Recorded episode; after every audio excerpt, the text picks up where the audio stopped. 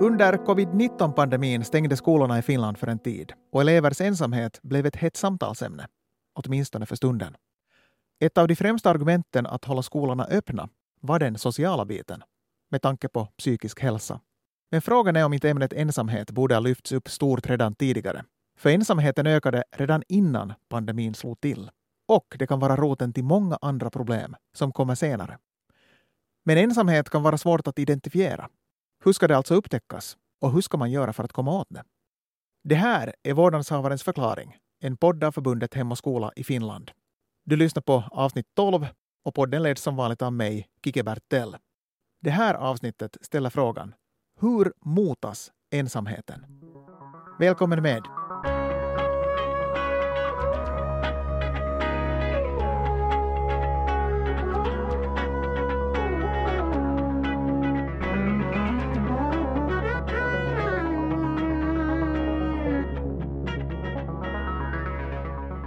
Då var det dags igen för ett avsnitt av Vårdnadshavarens förklaring. Och eh, med gäster förstås. Jag säger hej till Oskar Lehtinen. Morgens. Du är krisarbetare på Helsingfors Mission och jobbar på krisjouren för unga, eller hur? Jepp, det är jag. Ja. Och är det så att du jobbar också med det här nationella programmet School to Belong, eller? Jo, precis. Det, det är vad jag gör. Alltså School to Belong är ett nationellt program som egentligen går ut i skolor och både bemöter föräldrar och elever och de som, de som vad heter det då, uh, alltså lärare.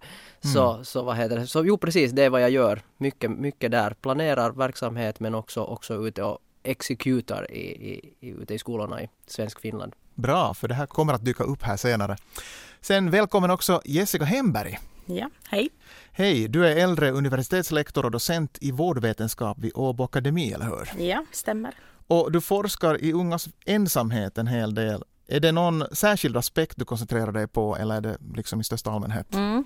Uh, vi har nog gått in på ett ganska brett perspektiv och sen har vi också tagit några mindre delar, till exempel då hur man kan motverka ensamhet och sen också kopplingen till sociala medier bland annat. Och sen har vi ju största perspektivet är liksom ungas egna berättelser om ensamheten och hur man motverkar. Och välkommen också Katarina Perander. Tack. Och du är ju specialsakkunnig i utbildningsfrågor inom Hem och skola, socialpsykolog och doktor inom pedagogik. Och jag undrar, hur ofta kommer barn och ungas ensamhet upp som ämne då du är ute och föreläser för Hem och skola? No, jag föreläser främst för blivande lärare och blivande småbarnspedagoger, men då kommer det ofta upp i, till exempel i diskussioner kring hur viktigt det är att stärka det där föräldrasamarbetet och gemenskapen bland föräldrarna, för att, att via det får barnen kontakt med varandra. Och, och så att på det sättet, men kanske inte från, från studerandes håll, men, men jag tar mm. ofta upp det som ett ämne. Och sen förstås ur föräldrabarometrarna, där vi nu i senaste föräldrabarometern så var ensamhet en av frågorna. Och mm. det gällde då andra stadiets ungdomar. Precis. Och frågan vi ställer idag, hur motas ensamhet? Hur vi blir av med det i bästa fall. Men före vi ger oss i kast med det så undrar jag ändå att vi, vi borde kanske skilja på att vara ensam och att känna sig ensam. Eller hur Jessica? Jo, det är så att eh, det är ju viktigt också att tänka på att ensamheten kanske upplevs på ett eh, annorlunda sätt fast man kanske känner att man man har vänner så kan man uppleva sig ensam. Så att, att, det är viktigt liksom att tänka på hur man har det också. Inte bara hur det ser ut utan hur man känner att man har det. Mm. Så att, att, eh, det finns ju också den här ofrivilliga ensamheten. Och den brukar man säga att den är då inte självvald. Medan den självvalda, så den är ju liksom då hälsobringande. Den mår man gott av. Den kanske man längtar till till och med. Ja, det kan vara återhämtning, reflektion Exakt. Exakt. Och, och allt det där. Ja. Eh, men sen finns det den negativa förstås. Man känner sig osynlig. Att man finns bara till för sig själv. Och mm. Sorg, bitterhet, ilska och så här. Alltså, ett ord som dyker upp nu i forskningen i de här sammanhangen är ostrakism. Oskar, har du hört det här ordet förr? Ostrakism? Jag har hört det förut, men jag är faktiskt lite allergisk mot svåra ord som ja. folk sist och slutligen ändå inte riktigt förstår. Eller alla säger, vänta, vad är det här eller det där? Så du får jättegärna förklara det. Katarina, kan du förklara det? No, jag skulle kanske förklara det som en känsla av eller att man är utanför, alltså utanförskap. Man blir ja. lämnad utanför gruppen. Ja. Antingen då medvetet eller omedvetet på något sätt. Att, men att man inte får höra till och, och, inte vara med. Och det kan komma till uttryck på många olika sätt. Att man ingen hälsar på en eller att man helt enkelt inte blir bjuden någonstans där andra är och sådär. Ja. Folk som har läst sådär antik grekisk historia har kanske hört också ordet, för i grunden så har det att göra med utvisning av en person från en stadsstat i gamla Grekland. Men det här ostrakismen man pratar om idag är ganska annorlunda eh, jämfört med det. Där är det någon typ av bannlysning. I princip, man förstår ju varför man har tagit det i bruk i det här sammanhanget. Men som sagt, det kan vara både medvetet social utfrysning men också omedveten. Det kan vara en klass som är för stor och en person som har svårt att komma fram blir ensam i det sammanhanget så att säga kan du bekräfta Jessica från din forskning? Mm, absolut. Det finns eh, många gånger den här känslan av utanförskap bland unga idag och det kan vara liksom både i grupper och större och mindre.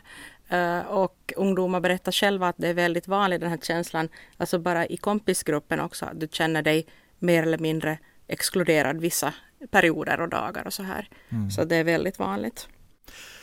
Just det här vanlighet, hur vanligt är ensamheten och eh, det kom ju nyligen en ensamhetsundersökning just från det här School to belong som berättar ganska mycket.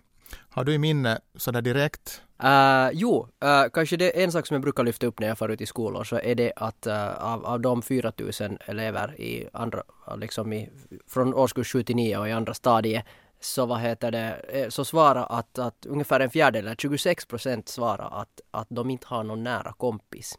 Och jag tänker att det här är en jätte, jättebra startpunkt ofta för en, för en diskussion. För, för att om vi vet att 26 procent är det, det är liksom, för det är en fjärdedel, det, det, betyder att vi alla upplever det. Så brukar jag ofta öppna den här tanken kring att, att tänka att det här är någonting som är helt, det här är helt naturligt. Mm. Det här, ensamhet är en, en, en, liksom egentligen en alarmklocka, en överlevnadsinstinkt som vi alla går omkring och bär på. Och det är inget konstigt med det. Men på samma gång så känns det otroligt dåligt och därför är det viktigt att därför också prata om det. Men jag tänker också när man ger en nummer på någonting så, så då finns det också en möjlighet att börja fundera, inte det att hur ska vi få bort ensamhet, utan mera det hur kan vi redan komma till 25 procent? Eller hur kan vi om ett år vara på 24 procent? Så jag tänker att det kan inge hopp också att ha någonting att utgå från och se mm. att om, om vi börjar göra saker, om jag, jag som individ gör någonting eller jag i min klass gör någonting eller om jag, om jag vad heter det, i skolan, om det börjar satsas på det här, så vad kan, hur kan det skapa en, en liksom lite lite mindre procent på något vis. Och, och det tror jag just, vad heter School to Melon kan vara som ett jättebra verktyg för det hjälper en att faktiskt se att, att händer det förändringar mm. i, i det här. Jag kan ju tillägga att den här senaste undersökningen, mätningarna gjordes under förra året. Var det från maj fram till hösten ungefär? Ja, ungefär Och det var 84 procent gymnasier, 16 procent yrkesinstitut och 36 läroanstalter sammanlagt. Men det som var intressant där var ju att, alltså det vet vi ju att ensamheten hade ökat under pandemin. Men den har inte minskat efteråt alls. Utan den har hamnat på samma nivå även om pandemitiden är förbi så att säga. Ja, man hade ju trott att den skulle liksom att folk skulle återhämta sig men, men det har inte hänt. Det är kanske helt minimalt i så fall. Så det där är en jätteintressant sak och därför, jag tänker också att det har någonting att göra med det att pandemin i sig kanske inte var den där, vi kan inte skylla det på pandemin, mm. utan vi har ett fenomen som har funnits redan tidigare och, och där finns det man kan ju spekulera hur långt som helst om vad de orsakerna kan vara, men jag, jag tänker, om jag får kasta in en liten sån där eh, en liten kritik kanske till vårt dagliga nuvarande samhälle så även mycket det där att vi är väldigt individualistiska. Vi har en telefon, jag har en framför mig också här och den gör jättelätt det att vi tänker att vi är sociala även när, när vi har vår telefon i handen och sitter och chattar med kompisar eller, eller videochattar. Medan sist och slutligen vi behöver den där fysiska liksom, vi behöver det här öga mot öga diskussionerna för att må bra. Så, att, så jag tror många gånger att vi, vi, vi tror att vi har förenklat de sociala relationerna med telefonen men många gånger tror jag att vi lurar oss själva och det är något som höll på redan länge innan, innan pandemin. Vad säger forskaren Jessica? Mm, absolut, jag håller med. Och uh, just den här um, fokus på telefonen så gör ofta också att det här sociala liksom kontakten ändras faktiskt. Att man blir mer frånvarande trots att man kanske umgås med vänner. Och vi har faktiskt unga som har berättat själva att de har hamnat och medvetet liksom sätta bort telefonen för att få den här sociala kontakten att fungera.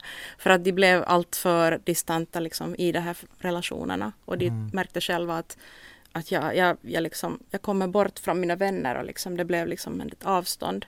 Så att uh, det är ganska alarmerande tycker jag.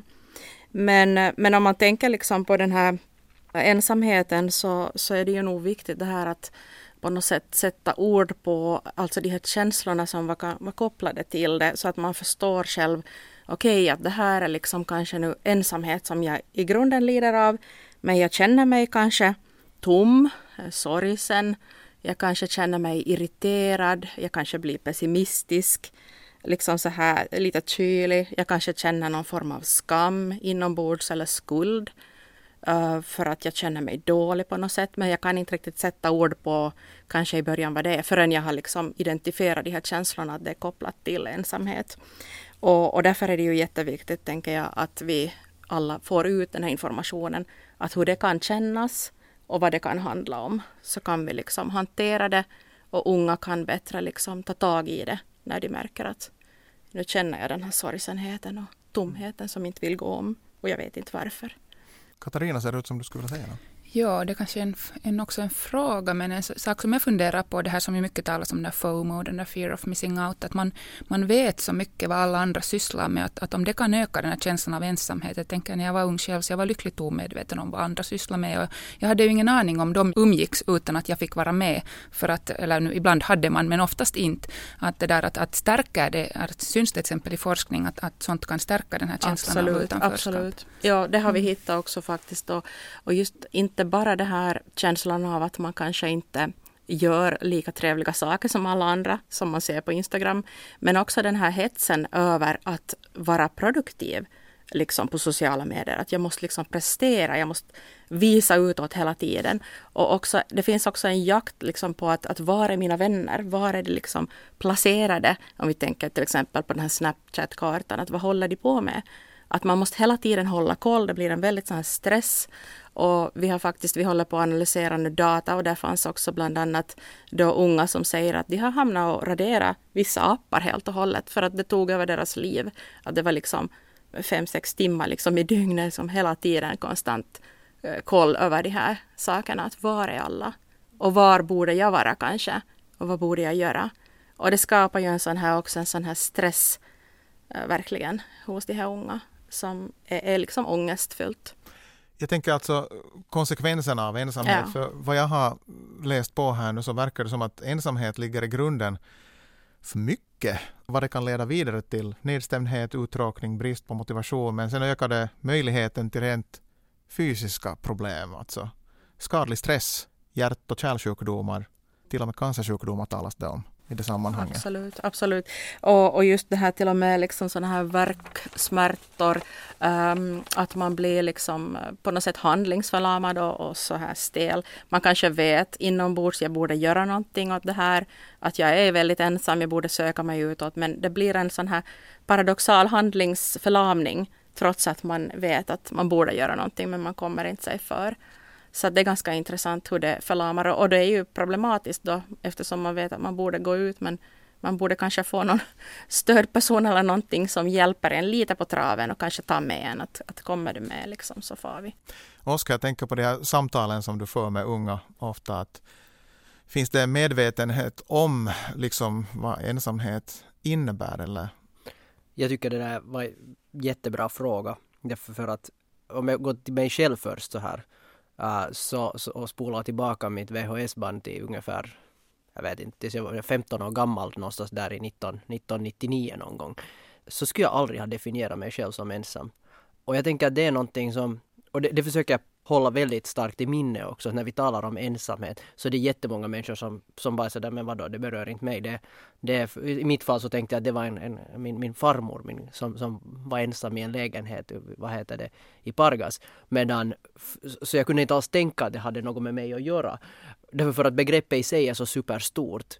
Och senare har jag kunnat se att, att ensamhet för mig så var egentligen det att när det hände dåliga saker i livet så hade jag en sån liten mental kista som jag tog de där sakerna och tryckte in i den där kistan. Och till viss grad, en tid så gick det helt bra liksom. Man kunde fortsätta vara en glad människa och alltihopa. Men i något skede så började den där kistan liksom, den höll inte, locket hölldes inte på mera. Och, och den där ensamheten, det var just det där att inte våga släppa ut de där sakerna. Att, att berätta att, att jag blir mobbad eller att berätta att att jag är arg eller ledsen eller att alla dagar inte är liksom super. Och, och det, det, tror jag jag hade liksom inte det ordet. Ensamhet, jag skulle aldrig ha satt, jag tror jag var säkert 25 före jag började tänka att ensamhet är ett ord som passar in på mig överhuvudtaget. Därför så också när vi träffas ändå unga, unga genom samtalsstöd eller, eller, eller också jag träffar också par så, så ensamhet är någonting som kanske inte människor har tänkt att kan finnas. Till exempel när man har, man har vänner eller, eller man har en partner. Men den där ensamheten, den kan ändå finnas där. Den kan finnas i form av att man har en motsvarande kista som man sätter saker i istället för att våga sätta dem på bordet. Eller ha en trygg plats att sätta dem på bordet. Att, att om man sen är med sina vänner eller så, att också få prata saker som är tunga eller jobbiga eller, eller så. Jag tror jag själv var men jag vet inte om jag var 17 eller 19 år gammal när jag första gången berättade till min bästa vän att det har varit en tung dag. Att det var liksom mm. att vi grälade med familjen där hemma. Och det kändes jätte sådär wow, vilken mm. skön mm. känsla. Precis. Jag fick säga bara att vet du, att farsan och morsan de, har, de är helt förrevet just nu att vi grälar. och så berättade han ju att vet du, det har blivit jätte vet du, jobbigt och, och under veckoslutet. Och så bara satt vi båda en stund och var sådär att vi har aldrig pratat om det här. Och, och det tror jag, det, det är just den där och kanske mm. den det, där, det, det tänker jag det där hoppingivande också, att det är den där reliefen som man kan få. Mm. Men, att, men att just definiera det som ensamhet eller använda ordet ensamhet, det är inte det som alla gör, utan att kanske ofta handlar det om om stress. Eller det, som du, du nämnde här mm. jättebra mm. lista tycker jag på saker som, som just att vad det kan vad som går under paraplyet mm. ensamhet. Det är inte bara, det är liksom en, det är väldigt ofta en emotionell ensamhet och, mm. och, och, och, i mycket färre fall så är det en sån social ensamhet Precis, där man sitter exakt. ensam på en bänk i en skola eller, eller så båda två, vad heter det, finns och båda två behöver jobbas för men mm. sådär. Du nämnde den båda där, social ensamhet och emotionell ensamhet. Och det är ju den där sociala ensamheten som går kanske att märka mm. någon som inte pratar riktigt med någon och som läraren kanske kan upptäcka att mm. kanske vi borde prata med den. Men sen den här emotionella ensamheten, mm. den är ganska osynlig, eller hur Jessica? Absolut, absolut. Och den är ju den som är kanske den svåraste, att den syns ju inte på utsidan. Att äh, det var bland annat ungdomar som har berättat att, att jag, jag hamnade liksom att hålla mig i grupper för att annars så kunde de här lärarna upptäcka att jag var ensam. Mm. Men äh, faktum är ju att man kan känna sig väldigt väldigt emotionellt ensam liksom bland andra om man precis som vi hörde här, liksom beskrev det här, att vara liksom utanför en sån här närmare gemenskap där du kan faktiskt lätta på trycket, berätta om svåra, inte bara de här hejsan hoppsan roliga historierna om vardagen, utan också få liksom faktiskt till och med jobbiga och sorgsna saker kanske diskutera mm. med, med en vän. Det är nog jätteviktigt. Katarina, du föreläser som sagt till lärare och sånt här. Är det någonting ni diskuterar att eh, bara att göra det medvetna att det inte handlar bara inte om att hitta någon som sitter ensam för sig själv utan att det kan handla om någon som faktiskt ser ut att ha en massa vänner? Jag föreläser ju främst om föräldrasamarbete men där kanske tar jag nog upp det här med, med föräldragemenskapens betydelse som jag sa här i, i inledningen redan att, att till exempel vår föräldrabarometer som vi gjorde på daghemsnivån och publicerades resultaten 2020 så där visades att 22 procent av föräldrarna upplever att de inte har ett tillräckligt socialt nätverk mm. för att till exempel hjälpa till där hemma eller sköta barn och sånt. Och det är ju redan ganska oroväckande för vi vet ju att, att ensamheten går lätt i arv och de föräldrar som inte har någon att tala med så de kanske inte heller kommer överens om lekträffar på dagisgården och så här och, så, och då leder det till en ond cirkel av att, att barnet blir liksom sakta men säkert utanför. Att, att då brukar jag ta upp det liksom som till exempel väl ett sätt att motverka det att när man ordnar en föräldrakväll att, att man har ett tillfälle där man att föräldrarna får presentera sig för ens någon annan förälder. Att du har ens ett ansikte som är bekant och någon du har talat med. För det är jättemycket lättare att sen på daghemsgården gå och närma sig den människan och kanske säga att hej, att nu skulle våra barn kunna kanske träffas någon kväll eller någonting. Än det att du känner dig den utanför. Att på det sättet tänker jag att det är ett sätt förstås att motverka att ju, när föräldrarna blir bekanta med varandra så stödjer det nog barn att, att lära känna varandra också. Men sen de här föräldrabarometern som vi gjorde nu på andra stadiet så där kom det fram att vilket är lite bekymmersamt, alltså att 53 procent av föräldrarna är oroliga för sitt barns ensamhet när vi frågar om vad, vad som oroar dem. Och ensamhet var helt klart i topp av allting, över alla rusmedel och allt annat sånt här. Och, och i synnerhet 64 procent av flickornas föräldrar var oroliga över ensamhet och, och det här var vanligare bland gymnasieföräldrar än med barn på, på det där inom yrkesutbildningen. Och sen i öppna svaren så skrev ju föräldrar ofta att det har att göra med att till exempel det här klasslösa systemet, att, att du inte, du har ingen grupp som du går tillsammans med, utan du, att om, du, om du kommer från ett stort upptagningsområde då ordnas nog kanske något två, tre gemenskapsskapande dagar, men det räcker inte. Att, som att föräldrarna var ganska förtvivlade och beskrev hur de hur, hur sorgligt det är att deras barn upplever att de är osynliga, att ingen vet vem de är och att ingen skulle märka om de inte mera skulle komma till skolan. Att nu är det ju jätte liksom, tragiska historier och jag tänker att här är det förstås föräldrarna det är ju inte den emotionella ensamheten alltid, utan det är ganska mycket också den där, för de här siffrorna, 65 procent av flickorna, eller 64 procent av flickornas föräldrar, det är ju inte 64 procent av flickorna som kanske upplever den där ensamheten. Men att i föräldrarnas ögon så ser de hemskt ensamma ut. Att kanske de är bara hemskt mycket på TikTok eller någon annanstans och tror sig vara sociala. Men sen just här som Oskar sa, att de kanske inte ändå har utrymme för det där att berätta om de här jobbiga sakerna, för att man liksom målar upp den där fasaden av att allt är bra och fint och på sociala medier lätt. Att, att man kanske inte har ändå den där känslan av att kunna dela med sig. Och, och jag tänkte också att erkänna ensamhet är ju också ganska riskabelt. Att det kan ju medföra mycket skam och känslor också. Att, att vad är det för fel på mig om jag är ensam? Mm. Mm. Jag tänkte, jag läste av det här Nina Juntila som är professor i pedagogisk psykologi och pratar mycket om ensamhet. Hon har varit mycket intervjuad och så här. Och att den här, just den här emotionella ensamheten är tydligen betydligt vanligare hos pojkar och män. Oskar, mm. kan du bekräfta det på något vis, på något plan? Ja, personligen skulle jag säga det. Nej men, uh, nej, men definitivt, um, jag träffar människor, faktiskt, det, det, det, här är ju en jättepositiv sak, jag träffar mera män än vad jag har gjort. Jag tänker jobba då med, med samtalsstöd sedan 2014. Och det har liksom ökat antalet män som har kommit in. Jag, jag har också upplevt, det här är nu min personliga upplevelse, men också kanske mera av män som som upplever sig själva vara ganska maskulina har också ökat och jag träffar mer och har mera diskussioner kring det. Vad jag träffar personer som är sådär, jo att, att min, min så att säga maskulinitet kommer i, den är inte till min fördel. För det gör att jag känner att jag måste klara mig själv. Jag, jag ska alltid ha en liksom, se bra ut. Och, och, det är många människor som, som säger det här och, och, från olika bakgrunder att om det sen är att man är i en högpresterarskola som till exempel Hanken eller, eller någon annat ställe så, så kommer det fram och jag tycker det är jättefint att vi har börjat prata om det och, att, och också att samhället gör det för det, det, det möjliggör det. Men på samma gång så, så är det ju så att vi vi män har kanske normer som, eller vi har normer som, som begränsar oss många gånger och, och vi tänker att vi, vi borde klara oss själva eller, eller vi borde, om vi tar nu så här snabbt så, så vi, vi, vi skulle borde vara rika, vi skulle borde mm. vara framgångsrika, vi skulle borde vara sexiga, vi borde vara, veta vad vi vill och, och alla de här sakerna är, är liksom Ja, förstås så ska vi ju inte gråta heller utan vi ska vara ganska så stabila punkter mm. i, i människors liv. Och det här är ju ingenting som bara vi män upprätthåller utan det är ju också vi liksom, kvinnor också upprätthåller den här, den här bilden av hur en man ska vara eller hur en kvinna ska vara.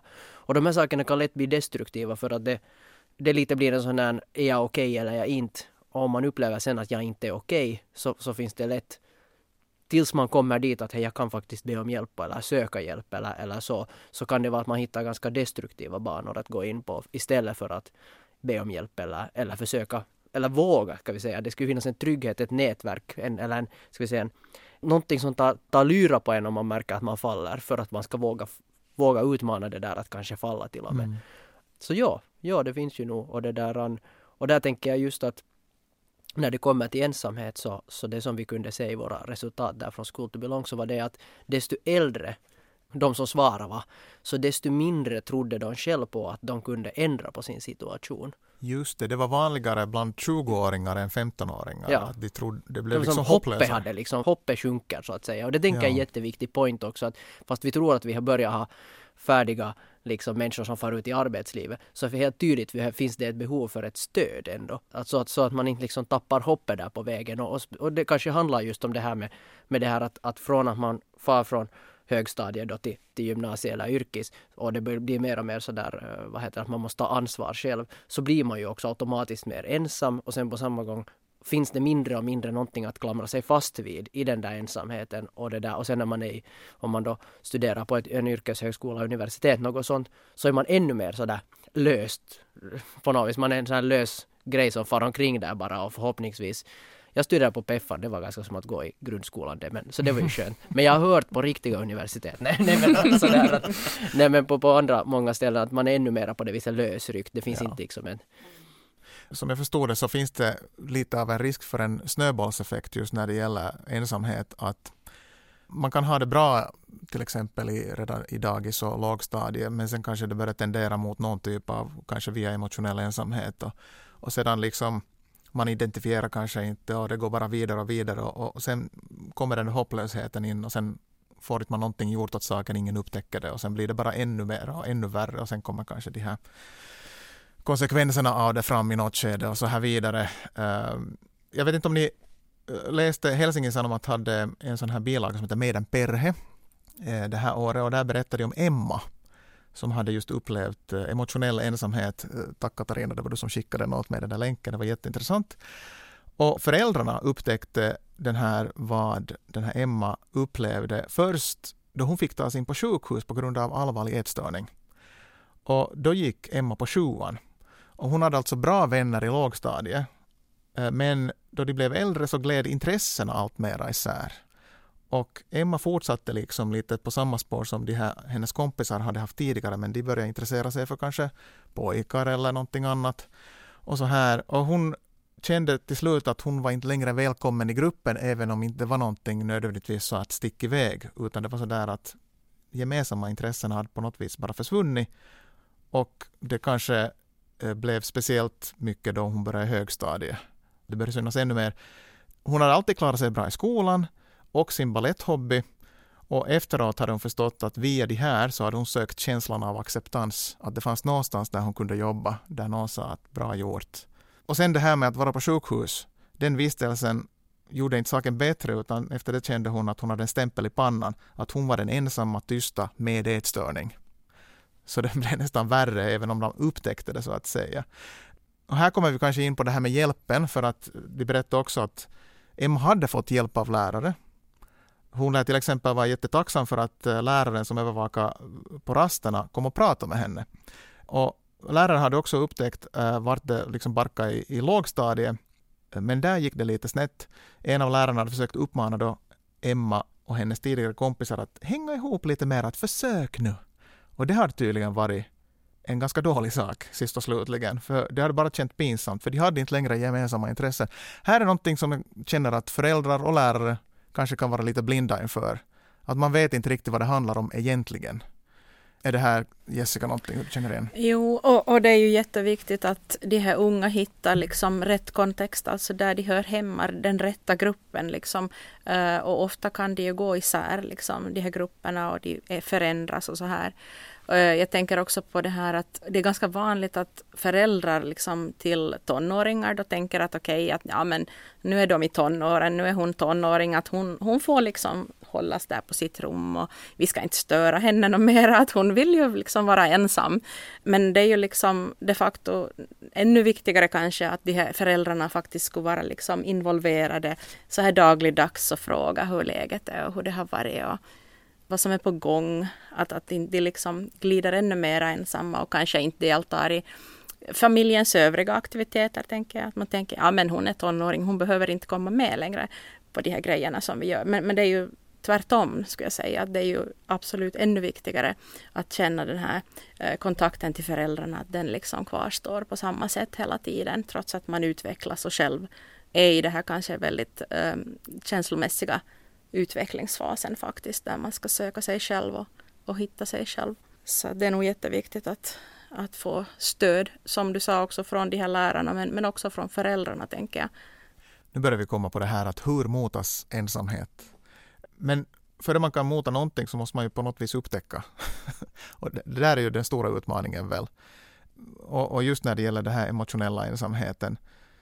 Hur ska man ens göra? Är det liksom det där förarbetet egentligen som man borde kasta sig in på då? Jag tänker Katarina, Hem och skola som pratar med föräldrar och lärare om det här med att prata med sina barn.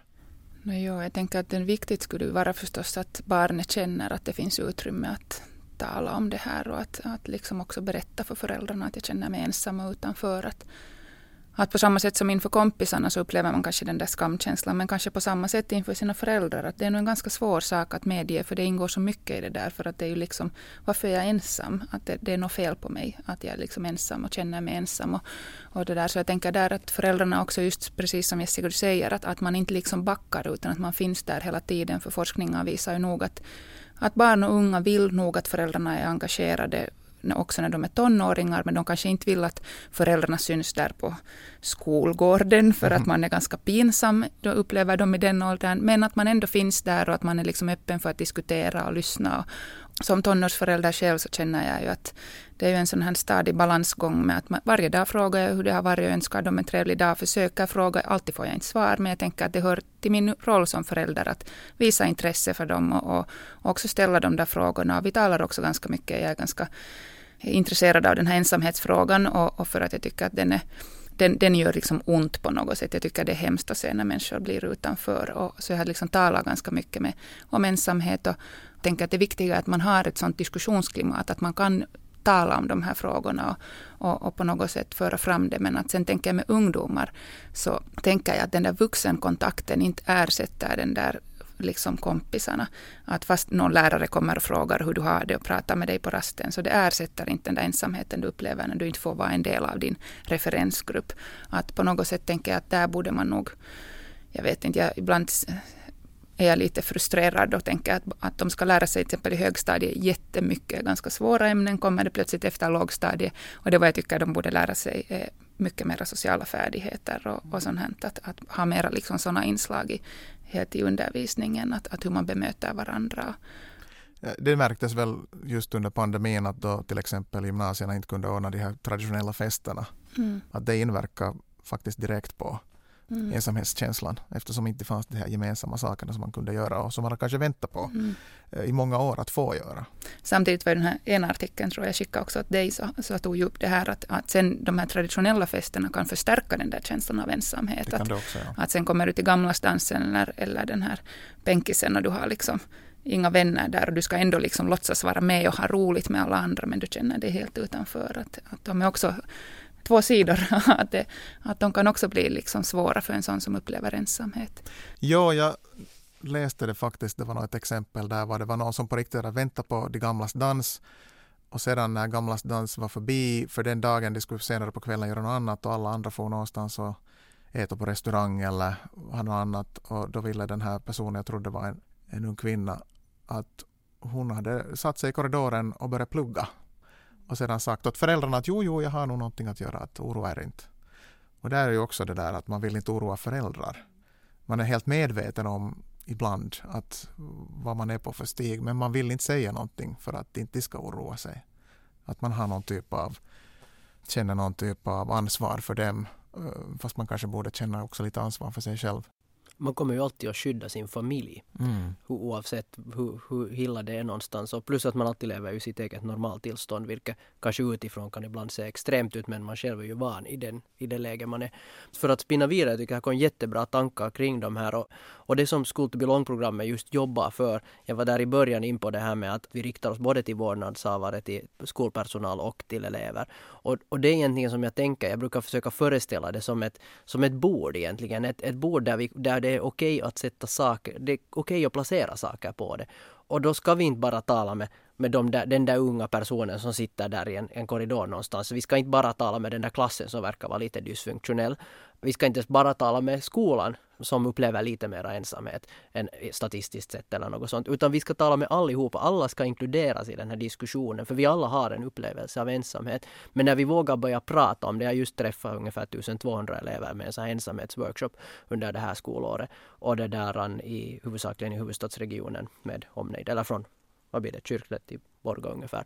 Och, och, det är det som också de här unga säger, att, att vad härligt att få höra vad andra tycker. Att den där, den där personen som kanske annars kan vara ganska sådär tillbakadragen, kanske mitt i att ha en jättebra insikt på hur ensamhet kan upplevas eller hur det kan vara. Eller, eller den där personen som annars verkar vara ganska sådär utåtagerande och kanske jobbig, så kanske har en sjukt bra point i hur ensamhet ser ut. Eller den där den där lite populära typen eller den där som alla ser upp till mitt i allt så får man höra att den personen har också en egen historia av ensamhet. Så att vi ska liksom jobba så hårt för att det ska vara vår allas gemensamma sak att jobba för. Istället för att det blir något sånt här vad man pinpointar att där är ett problem, nu ska vi få dit och släcka bränder. Och då tänker jag just att, att hur viktigt det är att inkludera också vårdnadshavare. Därför för att ensamhet finns där också, också i den här undersökningen som vi gjorde förra våren. Vi har faktiskt gjort en ny nu som, som får ut här just i vad det är, dagarna här helt så får det ut i skolan, den här nyaste versionen av den. Uh, men vårdnadshavare svarar förra året också att ungefär 10 procent upplever skadlig ensamhet av vårdnadshavare. Så det är ju ingenting som bara berör våra barn utan det berör oss alla. Och om föräldrarna upplever mycket ensamhet så har inte de kanske heller resurser att, att finnas där och fråga barnen att men hur, är det, hur är det med er? För att de själva har ganska mycket att jobba på. Så jag tänker just att, att försöka hjälpa familjer eller, eller där man spenderar sin tid när man inte är i skolan och det, där den tid man spenderar var man i skolan då. Så hur kan vi skapa ett sånt stadigt bord där vi alla får vara känna oss ensamma ibland och, och, och säga att nej men just nu känns det ganska skit, idag känner jag mig ganska ensam. Min kompis kom inte på den där lunchen som jag hade sett fram emot eller, eller sånt. Alltså helt små saker som, som gör att vi kan känna ensamhet som inte på något vis är farliga. Och på det viset så kanske vi kan undvika de där större, det där som du var inne på Kike just kring att det faktiskt kan vara dödligt till och med. Det kan skapa, det skapar mycket sjukdom om man, om man då långvarigt blir ensam.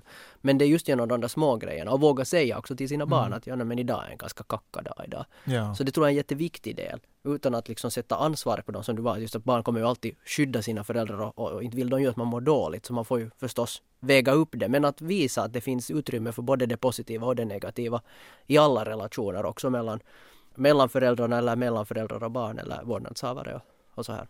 Det här låter ju som det som jag läste på ett annat ställe att man borde så att säga normalisera ensamheten. Det kanske låter som åt någon att det betyder att nu ska vi alla vara ensamma men det är inte det utan att man berättar upplevelsen om att alla har vi känt oss ensamma och att man inte är ensam egentligen utan det är ganska vanligt och liksom bara dela på erfarenheten då kanske mera. Ja, definitivt. Jag tycker ofta att tänka ensamhet som de där antiloperna i de naturprogrammen som de håller ihop för att överleva. Mm. Och sen oftast i naturprogrammen den där ena som, som lite blir efter där. Man vet ofta hur det går när, när den där ena blir efter där. Man, de börjar filma på ett lejon eller någonting sånt. Men det vad den känner är ju den här ensamheten. Mm. Att, och, och det, det, det är liksom den här alarmklockan som ska föra den tillbaka in. Och när man har forskat i ensamhet, om jag har förstått det rätt, så väcker det i hjärnan, det är samma ställen i hjärnan som aktiveras när vi känner ensamhet som när vi känner fysisk smärta. Det är den där samma liksom fight or flight sådär shit nu ska jag fort in tillbaka i det här gänget, liksom tillbaka till någon gruppering. Och, och, det kan ju också göra just om det är en väldigt stark upplevelse. Det är en väldigt känslobaserad upplevelse, kanske ingenting som man ens tänker så mycket på. Men att om vi på något vis kan, jag tänker genom det här bordet som jag förklarar, så det på ett sätt kan vara ett sätt att långsamma ner tiden så att vi kanske lite kan märka att hey, nu känns det inte bra. Vad skulle jag kunna göra åt det? Utan att man hamnar i en sån här panikreaktion, var man kanske hoppar in i en som jag själv många, liksom någon gång som, som ung har fick, fått möjligheten till exempel att det var, det var en kille som kom och sa att hej Oskar, idag ska vi få och hacka natsin. Och, mm. och jag var sådär, va? Så här. Och jag tänkte på det där liksom mycket senare och då i stunden också. Jag var så att nej, alltså jag, jag, vet, jag slåss inte, jag tycker inte om sånt. Men jag tänkte på det där att just de där möjligheterna, vad man kanske märker att man är utanför. Men så märker man att det inte att finns ett gäng hiphoppare, själv var jag det också när jag var typ liksom eh, tonåren, som inte jag tar med mig till någonting. Det finns en hel gruppering av människor som kanske gillar samma saker plus att jag tycker inte heller om natsin. Så finns det ju den möjligheten att man tar de där dåliga valen för att den här ensamheten känns känns värre än det att man går in i en, i en, i en social kontext som, mm. som är, är, vad heter det, destruktiv i längden. Ja, man har ju läst om de här kommentarerna, kanske också från School to Belong, jag är inte helt säker på vad det här citat där var sådana som har deltagit i det här har sagt att det skulle kännas till och med bättre att bli mobbad, för då skulle någon se Exakt. mig. Mm. Ja. Är det annars Jessica någonting du vill fortsätta på här? Uh, ja, alltså det är ju många frågor som jag tycker har varit viktiga här som ni har tagit upp. Uh, men uh, jag tänker också på det här att ungdomar har ju en tendens att alltså jämföra sig väldigt mycket med varann och eh, speciellt då via sociala medier men också så här utåt om man märker att, ja, att, att de här verkar ju ha så många vänner och liksom, de har så många kontakter på Facebook och Instagram och så vidare. Och det gör ju ofta att de får en sån här ensamhetskänsla bara på grund av det här.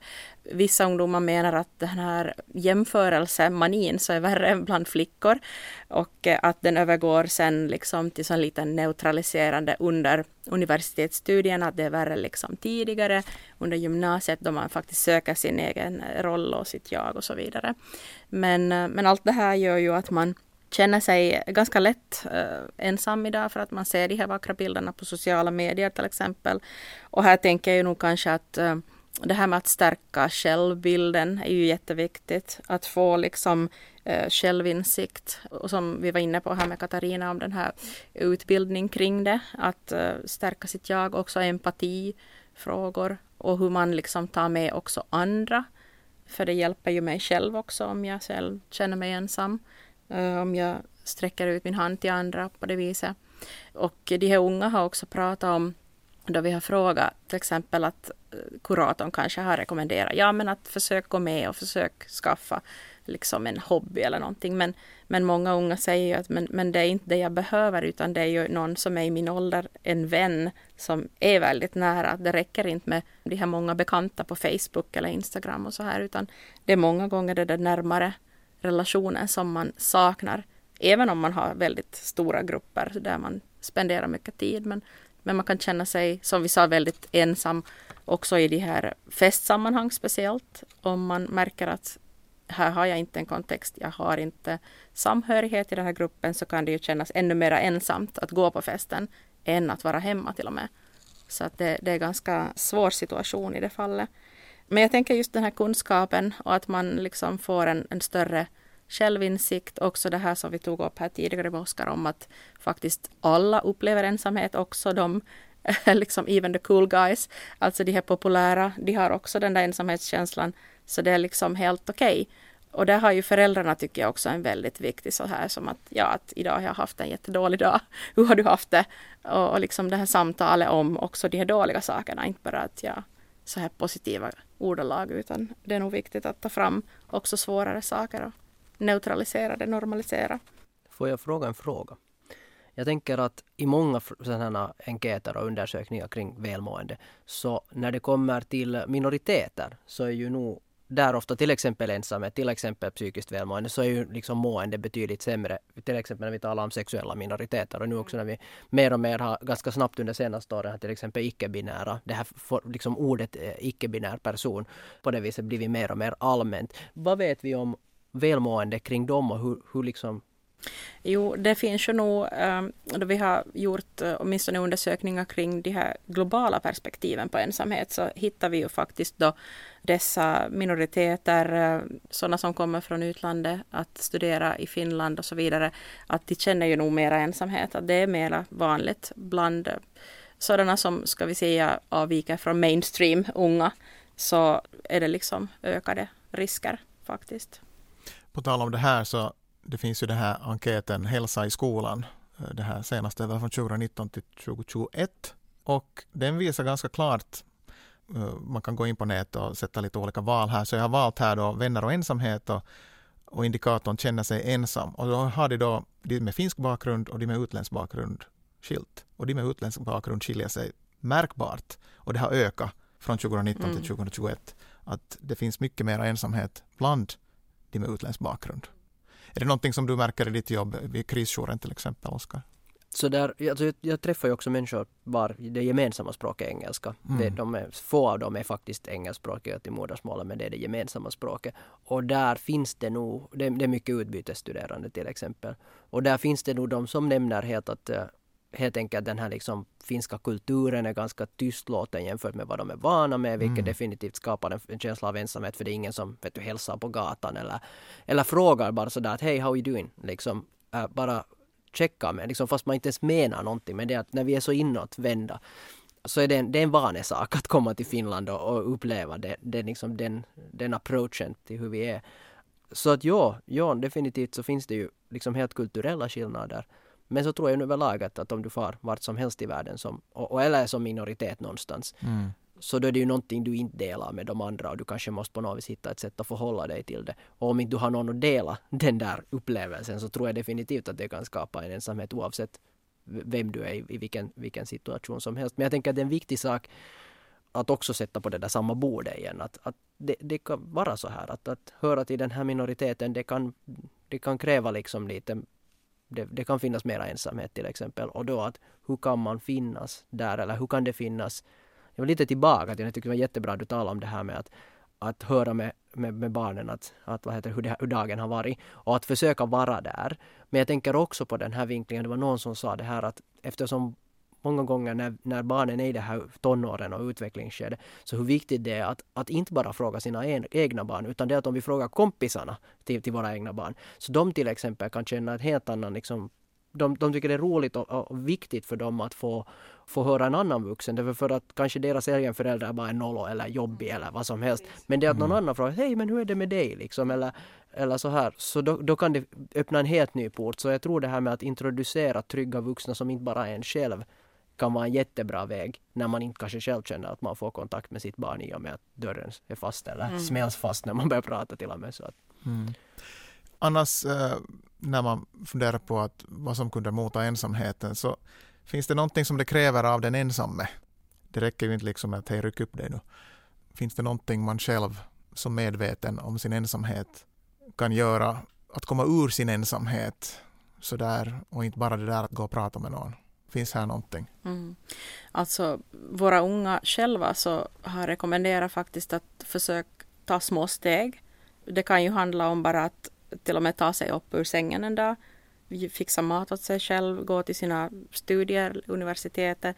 Liksom små saker i början ifall du är väldigt liksom inne i den här ensamheten och känner dig väldigt, eh, man kan ju känna sig väldigt rädd på det viset förlamad som vi sa tidigare.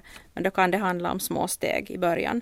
Men sen att man försöker så småningom berätta och prata med någon. För det lättar liksom det här att du får dela med någon så blir ju den här ensamheten mindre på något sätt när du ger liksom ut av det och, och det liksom lättar. Och där tänker jag också på det här som vi sa att, att bara det här att föräldrarna frågar kanske. Man kanske inte ska förvänta sig som förälder heller att man får det där svaret direkt. Men det kan så ett litet frö, kanske nästa gång, nästa dag är den här unga redo att berätta. Eller att det är någon annan förälder som frågar som vi sa, som kan göra att man känner liksom ett litet hopp och kanske orkar ta sig vidare och, och faktiskt berätta det åt någon. Det kan, behöver inte vara samma person men det, det, kan ju vara någon annan som man sen vågar berätta åt. Var inte i den där School to belong undersökningen Oskar så de här barnen som unga som upplever då ensamhet att det som de önskar av föräldrarna är just det där att de bara frågar att hur går det? Att bara det där samtalet. Mm. Om jag minns rätt. Ja, ja och det där och jag tänker, sådär för att, bara för att du kastade på mig så tänkte jag ta lyra på din fråga där, vad man kan göra som individ. Jag tänker vi alla har ett, ett ansvar, äh, definitivt. Det betyder inte att vi måste göra allting själv, även om vi har ett ansvar. Men, men det som vi gör mycket eh, i och med de här liksom samtalsstöden också på Helsingforsmissionen eller Krisjouren för unga. Så vi har ett helt sånt ensamhetsarbete. Var vi har en arbetsbok som faktiskt nu har kommit ut på svenska. Eh, den heter eh, Ensamheten hjälpbok och den är helt en gratis eh, bok som vi säkert kan länka hit någonstans så människor får ta del av den. Det är helt en sån här steg för steg vad vi kan göra för att minska på vår egen ensamhet. Den börjar ganska sådär från en individperspektiv att, att men hur upplever, liksom man förstår kanske sin egen ensamhet.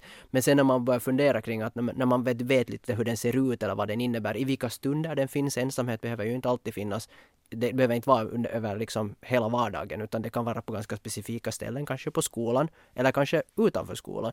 Och så här. Och det har jag också hört av unga som har sagt liksom att när man måste köra 20 kilometer med moped för att komma till skolan så betyder det det att man kanske har sin sociala liv i skolan. Sen när man är utanför skolan så är man ganska ensam.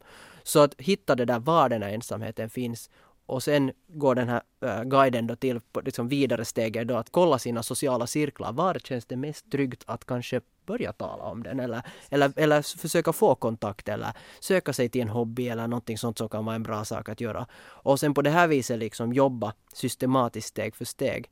Men det som den också tar upp eller och så här som en annan sida som vi mycket jobbar med är självmedkänsla. Alltså den här upplevelsen Alltså helt enkelt självmedkänsla bara sådär kort, det är alltså bland annat det är baserat på en, på en forskning av, av Kristin Neff som har lyft upp det här att självmedkänsla är, är, är kunskapen i att tycka om och älska sig själv. Och så därför att det här är något ni kan gå in fast på Youtube och kolla. Hon har jättefina föreläsningar och grejer kring det här. Men för att liksom boil it down så, så helt grunden är det att självmedkänsla är ingenting som någon människa kan från början. Man kan förstås vara olika bra på det från sådär med, med livets erfarenhet. Men det är en skill som vi alla har. Och, och den, den, bara för att om, om det vill motivera någon så, så man ökar sina prestationer genom att ha en bra självmedkänsla. Man också minskar risken för depression, man minskar på ångest. Uh, så det finns mycket fördelar att, att jobba på det här. Och där har vi faktiskt också en Jag räcker till-guide som, som en gratis bok som man kan ta del av för att utveckla det. Men idén egentligen är det och det som du var inne på här just, ja det ena är det att hitta en acceptans till sin situation. Det, det är okej okay att jag just nu känner ensamhet. Det är okej okay att jag nu bara har 20% energi när jag vanligen kanske har mycket mera. För när vi hittar den där acceptansen då är det också lättare att gå från 20% energi till 21% Och då märker man redan att hej, det här var en win. Det här. Mm. Så, att, mm. så att också våga sätta ribban på rätt höjd. Och sen den andra delen av det hela, att uh, dra gränser. Att våga säga att men just nu så har jag inte så, här, så jättemycket, alltså jag mår på ett visst sätt. Det gör att jag kanske måste välja vad jag orkar göra just nu eller, eller vad, jag behöver så här och faktiskt våga sätta de där gränserna. Jag tänker att det är en viktig sak att, mm. att stödja. Bra att du tog upp det här med självmedkänsla. Jag suttit också och funderat på det. Och, och det där. Men en sak som jag funderar på som, det som jag lite funderat på tidigare, men det liksom tänker kanske förstärka den tanken nu. Det här, vi lever i ett ganska prestationssamhälle och du var inne på det här från den här artikeln också. Att, att den här unga då som valde att inte gå på med, med vännerna på när, efter gamlasdansen för att bli istället och läsa på något prov eller göra något skolarbeten. Att som förälder tänker att det är viktigt att vara uppmärksam på när den där unga börjar söka den här bekräftelsen via de där prestationerna. Att kanske liksom lite kompensera den där känslan av ensamhet med att sen liksom jobba galet mycket med läxor och prov allting för, att, för då duger man ens för någon och då är det ens läraren som ser mig och läraren ger mig ett gott vitsord. Att jag tänker att de här hänger säkert ihop och också bland föräldrar att föräldrar upplever mycket ensamhet i Finland och finländska föräldrar är de mest utmattade. För att vi är så jättedåliga på att be om hjälp av någon och vi är så dåliga på att erkänna att jag fixar inte här, att jag är så trött att jag inte orkar mera utan vi liksom byter ihop och nu ska vi fixa, jag ska vara lika bra förälder som alla andra också. Att, att vi har ett liten sån kultur att vi ska liksom visa utåt att vi är ganska vi klarar ganska mycket och, och, och, vi presterar högt. Och jag menar, som här vår inledande diskussion om titlar som vi hade här förra, att, att redan det här hur viktigt det är att vi definierar oss på något sätt och gärna liksom på så fint sätt som möjligt. Att, därför tänker jag också som förälder att det, viktigt också att föräldrarna liksom visar en sån självmedkänsla. Att liksom också berättar att jag har misslyckats och det gör ingenting. Att jag duger som jag är. Att jag behöver inte vara bra på allting. Och, och sen också vara uppmärksam på att när den här unga, det kan då vara att man börjar göra jättemycket skolarbete eller börjar träna helt galet mycket. Eller göra någonting för att liksom lite låtsas som att jag känner inte den här ensamheten. För nu, jag har ju så mycket skola. Så då är jag ju inte egentligen ensam. Just för att det kan vara så svårt att erkänna också för sig själv att jag är ensam. Alltså det där var bra. Jag tänkte bara att det var en av de här sakerna jag hade skrivit ner också i samband med att jag läste på. Att I samband med det här som vi har pratat mycket om i den här podden också, alltså den ökade stressen och pressen bland unga. Kanske den kan kopplas till just ökad känsla av ensamhet. Att det är just där någonstans det ligger i bakgrunden. Men, men det är kanske inte som man har hanterat så himla mycket sen sista slutligen. Mm, jag kan säga att vi har ett eh, riktigt bra exempel från våra intervjuer också. Så fanns det en ung flicka som upplevde att hon blev bara älskad vid prestationer i skolan och det var ju väldigt beklagligt. Och, och det hade lett till att hon presterade ju fruktansvärt bra hela tiden. Men hon gick med en sån här jättedjup ensamhet. Så man kan säga att det var en existentiell ensamhet, att hon kände att hon var vilsen i, i sig själv och i livet på något sätt och, och inte tillräckligt överhuvudtaget någon gång. Att det fanns hela tiden den här tomheten att jag blir aldrig tillräckligt bra. Och det finns också det här prestationsfixeringen bland många unga flickor har jag tyckt att vi har haft många i de här våra studier som upplever ensamhet och det är liksom en sån här tomhet de går med och de fyller det med aktiviteter, det är med träning och det är liksom fina resultat för att då syns det inte. Det är ingen som märker då, menar de, att jag är så här ensam. När allt ser så bra ut, mina betyg är perfekt och kroppen är bra, konditionen, allting är på topp. Så ingen kan märka det. Men de går med en sån här väldigt stark ångest. Och, och det är kopplat till ensamhet. Så att, att, den sidan också är liksom att ge akt på, tänker jag som lärare och förälder, när vi har de här högpresterande som vill vara liksom bättre än bra. Det låter som en bra grej att hålla i minne mm. då man jobbar förebyggande. Och, och, jag tänkte om man ändå kunde hoppa in på det spåret, att vad kan man göra som förebyggande? Vi har ju nog nämnt några saker här, men Katarina, har du ändå någonting som, som kanske Hem och skola bidrar med angående just förebyggande saker som föräldrar och kanske lärare också kan göra för den delen? Mycket vad vi jobbar med har just att göra med att stärka den där föräldrakontakten och den vägen kontakten mellan barn också. Men att jag tänker ju nog att när föräldrarna sinsemellan känner sig bekanta och trygga med varandra, till exempel i klass, så, så brukar också stämningen i klassen bli bättre för att barnen är tryggare när föräldrarna är trygga. Och det kan redan stärka en sån här positiv gemenskap bland eleverna i en klass, det att, att de känner sig trygga där. Men sen genast om det finns liksom föräldrarna är obekanta med varandra, det blir lättare konflikter när vi inte känner varandra och det avspeglar sig ofta på barnen också. Att, att jag tror nog att där, där tror jag nog att, att den här gemenskapen bland föräldrar och skolan och daghemmen är ju en ypperlig plattform för att skapa gemenskap och minska också ensamheten bland föräldrar. Att du kanske har flyttat från en annan ort och du känner ingen, kanske hälsar på någon granne. Men så kan du gå med i en exempel föräldraförening eller bara vara aktiv som klassförälder eller någonting och då får du redan ett sammanhang. Så jag tror att, att den vägen kan man delvis förebygga förstås ensamhet, men sen skulle jag nog jättemycket fundera nog på det här med prestationer och, och, liksom, och vilka, vilka roller vi förstärker i samhället. Att också ensamhet, flickorna toppar där i statistiken, de toppar i den här prestationen, ångesten kring lärande. Att vad vi belönar för slags beteende, och det här tog vi upp i vår podd här om varför mår, flickor sämst och, och, det där just att, att vi belönar ett, ett visst slags beteende bland flickor som kan sen skapa det där just att jag duger när jag får höga vitsord och då är jag bra, tillräckligt bra och kanske också liksom vad som är hönan och vad som är ägget i den här frågan, men att på något sätt lyfta fram att de där, det är det där sociala som bär oss här genom livet, som du var inne på Oskar också, att vi, att vi är sociala varelser och vi behöver det sociala för att överleva. Att de där vitsorden är inte allting. Att där tänker jag också att föra en sån diskussion bland föräldrar att, och, och någonting som jag nog skulle som önska att lärare är uppmärksamma på, att när föräldrar lyfter fram oro kring sitt barn, att det här barnet mår dåligt, till exempel har svår prestationsångest och att, att man inte då får som svar att ja, men vitsorden ser ju fina ut. Mm. Att det finns ingenting att det här barnet klarar ju sig bra utan att faktiskt stanna upp och lyssna. Att, att vad är det du är orolig för och kanske just gå in på det, den diskussionen då. Att delvis helt konkret stresshantering men sen också just att det kan vara liksom kompenserande av någon annan känsla av otillräcklighet, det här presterande. Att jag tänker liksom också igen här som jag i tidigare poddar alltid säger att man måste modigt våga tala om de här svåra sakerna som vi kanske inte har svar på. Men att bara med att tala öppet om det, som du var inne på Oskar också, att sätta de där sakerna på bordet och, liksom, och lyfta fram de här frågorna. Att den vägen hoppas man ju att det skulle liksom leda till ett öppnare diskussionsklimat också kring, kring liksom svåra känslor. Här, nu kommer ganska många råd redan till hur motas ensamheten. Men finns det någonting ännu ni skulle vilja tillägga mm. före vi avslutar? Uh, jag tänker bara så här att uh, skolhälsovårdare ska ställa den där frågan faktiskt och gå in på de här sakerna och inte bara med en fråga utan flera oli på olika sätt liksom vinkla den här saken. Inte bara att har du känt dig ensam eller upplevt ensamhet men liksom gå runt den här saken och fråga den här frågan och kring de här också negativa sakerna. Att inte bara liksom är fokus på, på längden och vikten och de här sakerna som är normala. Så att, att det är nog viktigt att våga. Ja. Och sen att det finns det här lågtröskel sociala verksamheter, evenemang. Eh, därför att det är nog viktigt att kunna, liksom, ifall man är lite blyg av sig eller socialt har svårt att ta sig ut, så att gå till sådana här gruppverksamheter, det är nog enklare sätt att få kontakt med jämnåriga än att själv på egen hand bara behöva göra det. Jag funderar bara på det här med skolhälsovården, att i femmans och åttans undersökningar de gör så har de ju fråga om ensamhet. Mm. Men de vet ganska bra att de måste sätta två eller tre namn där för att annars så kommer det följdfrågor. Precis. Och när den, den människa de inte kanske annars har någon kontakt med och den är inte en trygg vuxen mm. åt dem, som, så, så då kanske det händer att de vill inte där ta upp det. Jag tänker just därför viktigt att, mm. att man har många olika sätt att få fram den här ensamheten. Precis.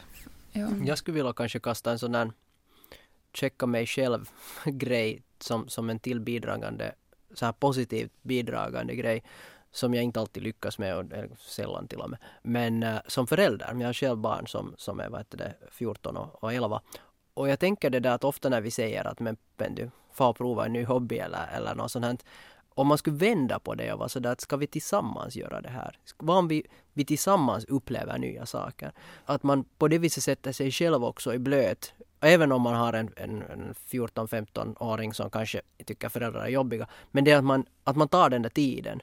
Jag tror att det är på något vis som någonting sänker tröskeln. Att, att okej, okay, du är intresserad av det här. Att ska vi gå och bekanta oss med det eller, eller så här. Och, och där tror jag till exempel min fru är mycket bättre för att hon försöker faktiskt, liksom, ska vi få prova det här att det folkhälsan ordnar en sån här grej men, men det tror jag att vi också liksom bra kan checka oss själva med också. Att, att vi inte bara outsourcar problemet på barnet allt för mycket utan att, att vi, vi får med och, och är sådär att men det här kan ju vara jättekul och sen om inte det är kul så skiter vi i det och gör något annat. Men, men det är att man, man är med på något vis och, och faktiskt ibland kanske det kräver och jag tänker i mitt fall så definitivt krävs det att, att pricka in det, att, att det faktiskt blir av. Att man är sådär, men vad om vi går och provar den här nya grejen tillsammans? Vi båda tycker det här är ganska kul, att vi skulle kanske kunna lära oss något nytt och på det viset så, så öppnar man dörren så att säga till några nya sociala ställen utan att det blir för stort eller för jobbigt att vara om de talar finska där eller, eller någon annan orsak som, som ofta i, i vår familj som svenskan är liksom vårt enda språk förutom vår hund som talar finska. Så det där, äh, så, så, det där äh, så, så, att man på det viset minskar eller sänker tröskeln för att våga prova nya grejer och se att de här sociala interaktionerna är inte så farliga. Mm. Det tror jag är en jättebra idé för jag tycker jag ofta har märkt med mina egna ungdomar som är då alltså på åttan och nian att, att de bästa samtalen jag har med dem är när man är på väg till och från någonting. Mm. För att då liksom man sitter bredvid varandra och inte mitt emot varandra. Så då kan de börja berätta alla möjliga historier som jag inte skulle få till exempel i middagsbordet svar på olika frågor. Så att, mm. så att jättebra idé det där just att hitta någon mm. Precis, gemensam. och att man kanske far på tu man hand och inte har mm. hela skaran, jag har fyra barn så det är alltid någon som är bredvid. Liksom. Utan att man får den här gemensamma tiden på tu man hand där det kan öppnas upp de svåra frågorna mm. som de kanske längtar efter men kan inte liksom ge uttryck för att de skulle behöva diskutera någonting. Mm. Det är nog viktigt. Vi har pratat om hur motas ensamheten med Oskar Lehtinen, Jessica Hemberg och Katarina Perander. Tusen tack för att ni var här. Tack. Tack, tack.